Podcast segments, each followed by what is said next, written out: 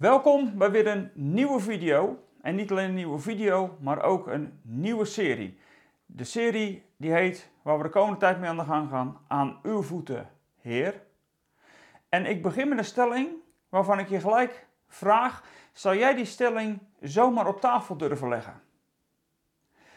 Een kerk die gelovigen maakt, verdwijnt. En een kerk die discipelen maakt, die groeit. Nou weet je, ben ik niet zo heel erg bang om een stelling neer te leggen die knap aan de schurende kant is. Nou, misschien is dit er wel één.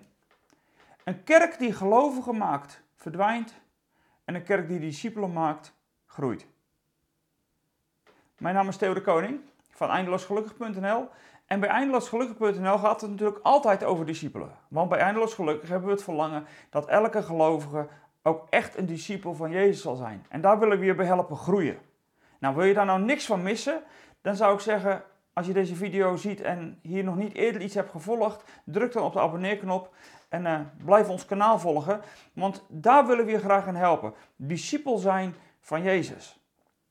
En ik zei het al, het is een nieuwe serie. En dat komt eigenlijk omdat ik de laatste tijd heb nagedacht over, ja, wat heeft deze wereld nou eigenlijk nodig? En als je weet wat de wereld nodig heeft, kunnen wij dan als kerk, als gelovigen, dat misschien wel in deze wereld bieden. Wat heeft nou deze wereld nodig? Nou ja, eigenlijk is het een heel simpel antwoord. Wat deze wereld nodig heeft, is heelheid en herstel. Want deze gebroken wereld, met alle ellende, met oorlog, met al het gedoe, met alle ziekte en alle narigheid tot dood toe, deze wereld heeft herstel en heling nodig. En dan is de vraag, hoe kan die heling er dan komen? Nou, als je daarover nadenkt, dan kom je vanzelf natuurlijk uit bij Jezus. We hebben net kerst gevierd en Jezus kwam naar deze aarde. En wat kwam Jezus nou eigenlijk doen? En dat is een hele belangrijke vraag in deze serie. Wat kwam Jezus nou eigenlijk doen? Want weet je, het is heel opmerkelijk dat Jezus, als hij aan zijn bediening begint, en daar kom ik nog wel op terug in de volgende video, maar als hij aan zijn bediening begint, dan zegt hij: Bekeer je, want het koninkrijk van de hemelen is dichtbij gekomen. Hoe krijg je heelheid op aarde? Dat kun je maar op één manier krijgen. Dat als de hemel op aarde komt, dan komt er heelheid. Dat herstel, dat kan alleen maar komen als God herstel gaat brengen hier. En dat herstel, dat is in de hemel. Dus waar de hemel op aarde komt, daar zal het herstel beginnen van alle dingen. En dan zegt Jezus, bekeer je, want het koninkrijk van de hemelen is dichtbij gekomen. Nou moet ik zeggen tegen je dat ik dat woordje bekeren altijd een heel zwaar woord vind, maar dat bedoelt Jezus hier niet. Hij zegt eigenlijk, je moet je omdraaien en kijken wat er, als je je omdraait, wat er aankomt. Het koninkrijk van de hemel. Dat is wat Jezus kwam brengen. En weet je, ik stelde natuurlijk net die stelling zo van een kerk die gelovigen maakt verdwijnt. Het is ook maar de vraag hoe dat wij hier op aarde dus rondlopen. En dat kun je zien aan hoe Jezus rondliep op aarde. Kijk even met me mee wat er gebeurde bij het leven van Jezus. Wat moest Jezus komen doen? Nou, wat Jezus moest komen doen, dat was verzoening brengen. Er moest een mens sterven voor de zonde van de mensheid. En dat moest een mens zijn zonder zonde. En daarom is Jezus gekomen. Bekend verhaal, toch? Zo bekend als je maar kan bedenken. Nou ja, dat weet ik niet of het zo bekend is. Want dat is waar wat ik niet zeg. Wat ik net zeg, dat Jezus gekomen is. Waarvoor? Om te sterven voor onze zonde, dat is een waarheid die staat als een huis. Maar vind je het dan niet raar? Dat Jezus als baby geboren is? En dat het een hele poos heeft geduurd voordat hij zover was dat hij ging lijden en sterven? Als ik jou een samenvatting geef van het evangelie, dan zou je kunnen zeggen, geboorte van Jezus, dat is kerst. Dan wordt het heel lang stil. Misschien is het in die eerste twee jaar nog wat gehoord. Het hangt er maar net vanaf waar je het moment zet dat Jezus gevlucht is en terugkomt naar Nazareth. Dus Jezus is geboren, dan is het een hele lange tijd stil. Dan duikt hij ineens op als hij 12 jaar is. Dan wordt het weer heel lang stil. En als hij dan 30 jaar is, wat doet hij dan? Dan begint hij zijn openbare optreden. Dat is toch raar? Als Jezus alleen maar moest komen om te sterven voor onze zonde. Waarom hebben we dan een evangelie in de Bijbel? Dat begint met de geboorte van Jezus, 12 jaar stil. Dan ineens staat het verhaal van de 12-jarige Jezus er. Snap jij het waarom? Heb je dat wel eens afgevraagd? Waarom dat dat verhaal er nou nog tussen staat? Wat heeft dat nou voor zin? En Jozef en Maria die ongelooflijk bezorgd zijn. Omdat Jezus verdwenen is. Is dat nou zo belangrijk in dat evangelie? Dat ene losse verhaal over Jezus die 12 jaar is. Dat is toch vreemd? Ja, dat is vreemd. Als je bedenkt dat hij komt om hier te sterven als rechtvaardige voor onze zonde. Maar dat was nou net niet helemaal wat het evangelie was. Weet je waar het evangelie over gaat? Natuurlijk, over Jezus die voor onze zonde gaat sterven. Maar datzelfde evangelie gaat ook over het koninkrijk van de hemelen dat dichtbij is gekomen op aarde. Datzelfde evangelie, dat vertelt ons dus ook dat die eerste jaren van Jezus en tot en met die 30 jaar er ook toe hebben gedaan. En dat die drie jaar, wat hij had natuurlijk gewoon veel sneller alles al gedaan kunnen hebben, maar die drie jaar dat hij op aarde heeft rondgelopen, die heeft er ook toe gedaan. Want toen maakte hij discipelen, zodat hij zijn bediening kon overdragen. Als het alleen maar God te doen zou geweest zijn, dat een rechtvaardige zou sterven voor onze zonde, dan had God het ook anders kunnen doen. Weet je wat God had kunnen doen? Dan had hij gewoon Jezus in stilte geboren laten worden. Geen gedoe eromheen. Had hij als een rechtvaardige kunnen leven. Had niemand verder strijd om gehad. Was het allemaal rustig gebleven. En dan was hij alleen op het laatst dan als een misdadiger gestorven. Dat had gekund. Dan hadden we niks gelezen als alleen maar het ene stukje dat Jezus was gestorven. Maar het gaat in het hele evangelie om veel meer dan dat. Het gaat om het koninkrijk van de hemelen dat van boven naar beneden komt en hier zichtbaar wordt op aarde en het begin is van het herstel is van alle dingen. Jezus kwam met zijn koninkrijk, met het herstel van alle dingen. En daar is hij al mee begonnen toen hij kwam op aarde. En ik hoop dat dat even bij je landt dat ik dit zo zeg. Want als je dit beseft, dan blijkt dat die 12-jarige Jezus een verhaal is wat niet zomaar in je Bijbel staat. En eigenlijk had ik een hele andere video nu willen opnemen. Ik, ik preek er op dit moment ook over deze serie. En ik had in, de gemeente, in mijn eigen gemeente had ik beloofd dat dit de samenvatting zou worden van de preek van zondag. Dat vond ik achteraf toch niet zo handig. En dacht, ja, daar heb ik mijn kruid verschoten. Dat is niet heel handig. Ik hou wel van spanning in de preek en dat is dan misschien wel weg. En toen zat ik te lezen en toen kom ik bij die 12-jarige Jezus uit altijd het verhaal wat mij altijd de vraag op liet komen: waarom staat het ene verhaal er nou tussen? Omdat het dat een kenmerk is, omdat het ons iets aanreikt van hoe dat wij uiteindelijk in deze wereld het mogen leren. Het mogen leren om als een discipel van Jezus achter hem aan te lopen. Want wat hij daar doet, is voor ons als discipelen belangrijk.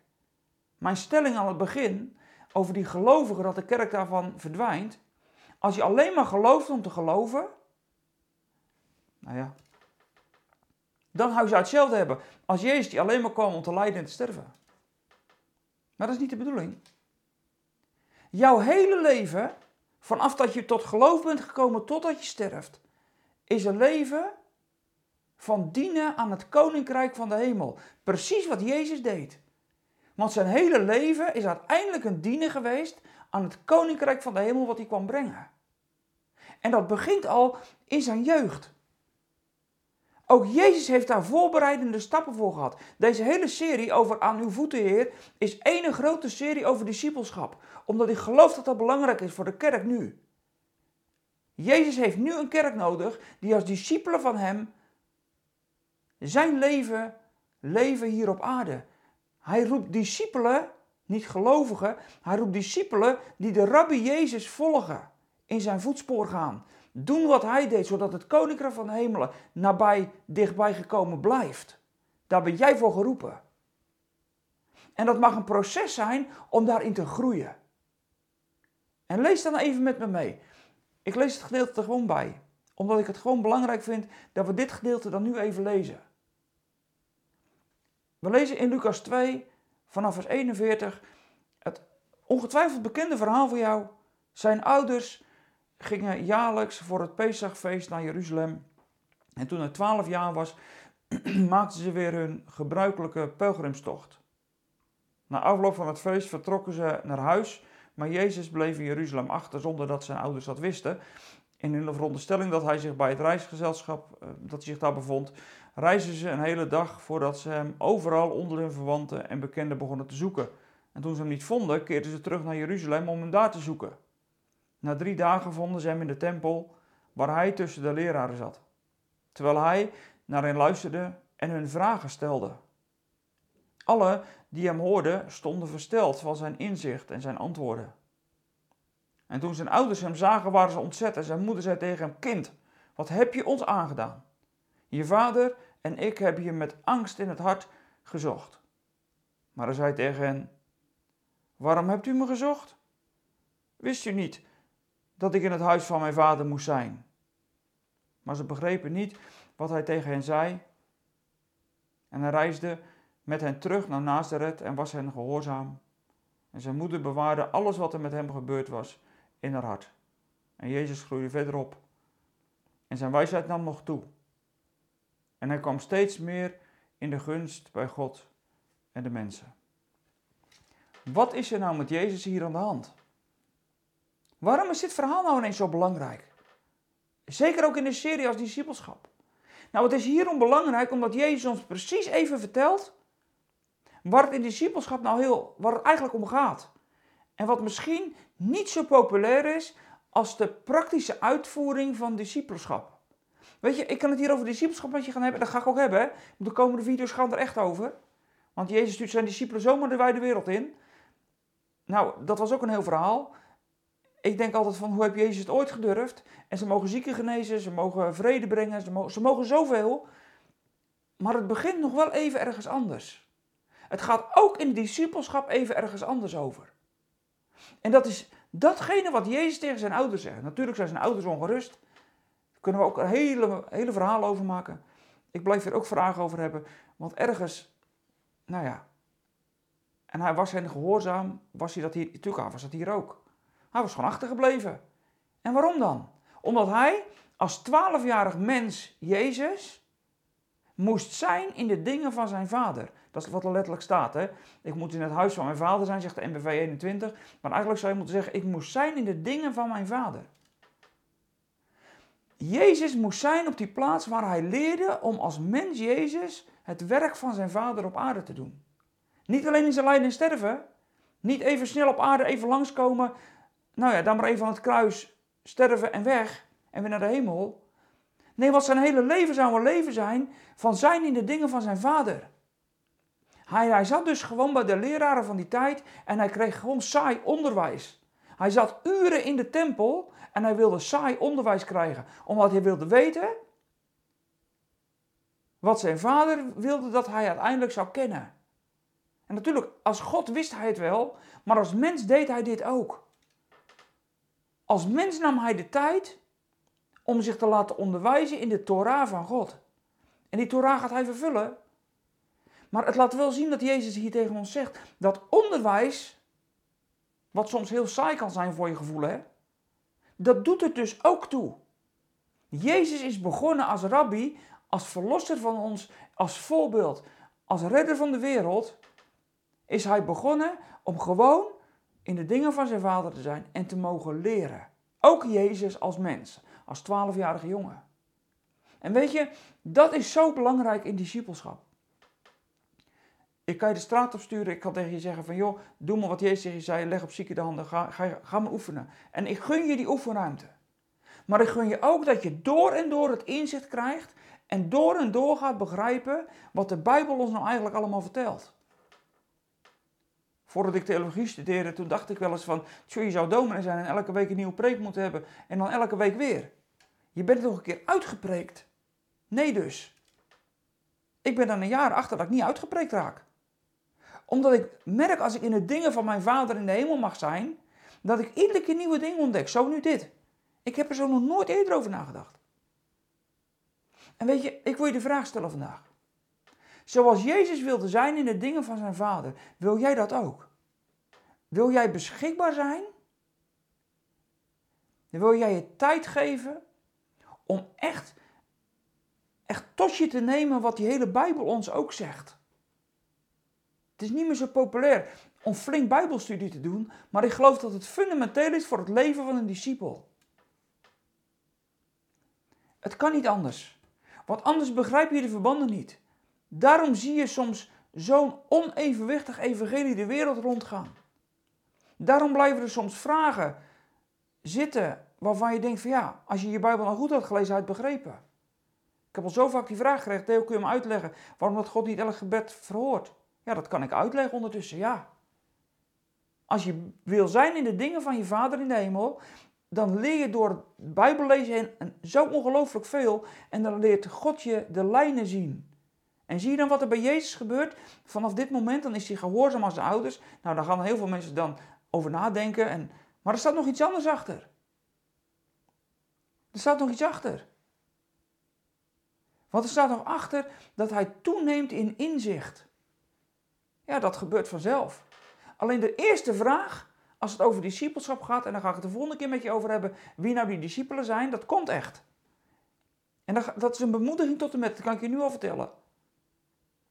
Maar de eerste vraag die ik je wil stellen aan het begin van deze serie is heel simpel, deze vraag.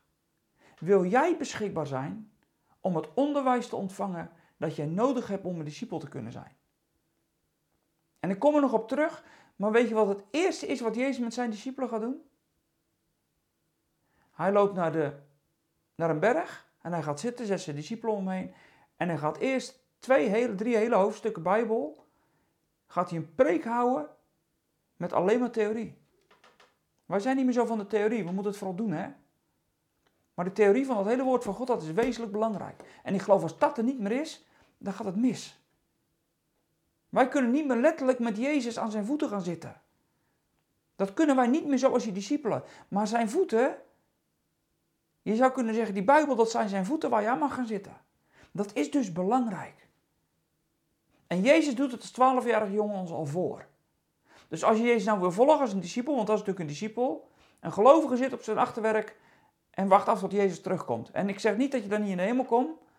Als je in Jezus gelooft, dan ben je gered. Maar een discipel, die wil in alles zijn meester nadoen. Ook als het gaat over het fundament van het koninkrijk en dat als basis tot je mogen nemen. En ik wil je oproepen, we staan natuurlijk aan het begin van een nieuw jaar. Ik wil je oproepen aan het begin van dit jaar en tegen je zeggen, gebruik dit jaar nou eens om aan zijn voeten echt te leren wat hij jou wil leren. En dan kan ik jou vertellen dat je dingen gaat ontdekken waardoor het veel makkelijker is om dat werk van een discipel uit te voeren. En je komt de volgende week vanzelf achter of jij zo'n discipel mag zijn. Ik kan je vast wel geruststellen, dat mag jij natuurlijk gewoon. Maar ik zal je laten zien hoe dat dan zit en waarom, wie Jezus dan en hoe Jezus dat dan doet en waar hij ze vandaan haalt. Daar gaan we volgende keer uitgebreid even stilstaan. Maar voor nu zeg ik dit tegen je, ben jij bereid om je te laten onderwijzen? Een kerk die gelovigen maakt, verdwijnt. Ik geloof het echt hoor. Maar een kerk die discipelen maakt, die groeit. En dat geloof ik ook echt. En een discipel, dat begint dus hier. Zitten aan de voeten van Jezus en onderwezen willen worden. En dan af en toe ook gewoon, als je een stapje verder bent, mag je ook gewoon het veld ingestuurd worden. Dat geeft allemaal. Maar je mag onderwezen worden. En dat onderwijs is belangrijk. Daarom geloof ik dat de kerk ook gewoon zo ongelooflijk belangrijk is. Ik geloof helemaal niet dat we zonder de kerk kunnen. Dat kan niet. Je hebt onderwijs nodig. Ik ook, dat hebben we allemaal nodig. Nou, dat is het begin van deze serie over aan, zijn, aan uw voeten, Heer. En het gaat over discipelschap, dat is je wel duidelijk. En daar gaan we echt uitgebreid op in. En ik hoop dat je ja, iets mee kan geven. Je kan prikkelen, je kan schuren, je, kan je mag opbouwen. Nou, noem het allemaal maar op. Het wordt echt een serie die ertoe zal doen. Dat geloof ik. Absoluut. Hij ligt zo op mijn hart. Ik weet zeker dat dit een serie zal zijn die ertoe doet. Fijn dat je gekeken hebt. Dankjewel. En fijn dat je meegaat aan het begin van dit jaar in deze nieuwe serie. Deel hem ook met anderen. Geef even een blauw duimpje als je op YouTube hebt gekeken. Als je op een andere manier luistert, helemaal goed. En als je financieel wil steunen, nou, dat vinden we helemaal fantastisch. Vinden we fijn. We hebben de begroting, ik heb het vorige keer ook gezegd, zeggen nu verder niks meer over. Hij staat online. Zoek maar op de website als je wil weten wat we nodig hebben. Als je wil steunen, ons wil steunen, nou heel graag. We hebben gewoon wat nodig. En uh, ik zou voor nu zeggen, heb een goede week en begin maar gewoon je Bijbel te lezen. Laten we daar nou eens beginnen. Doe dat deze week. Goeie week en tot volgende week.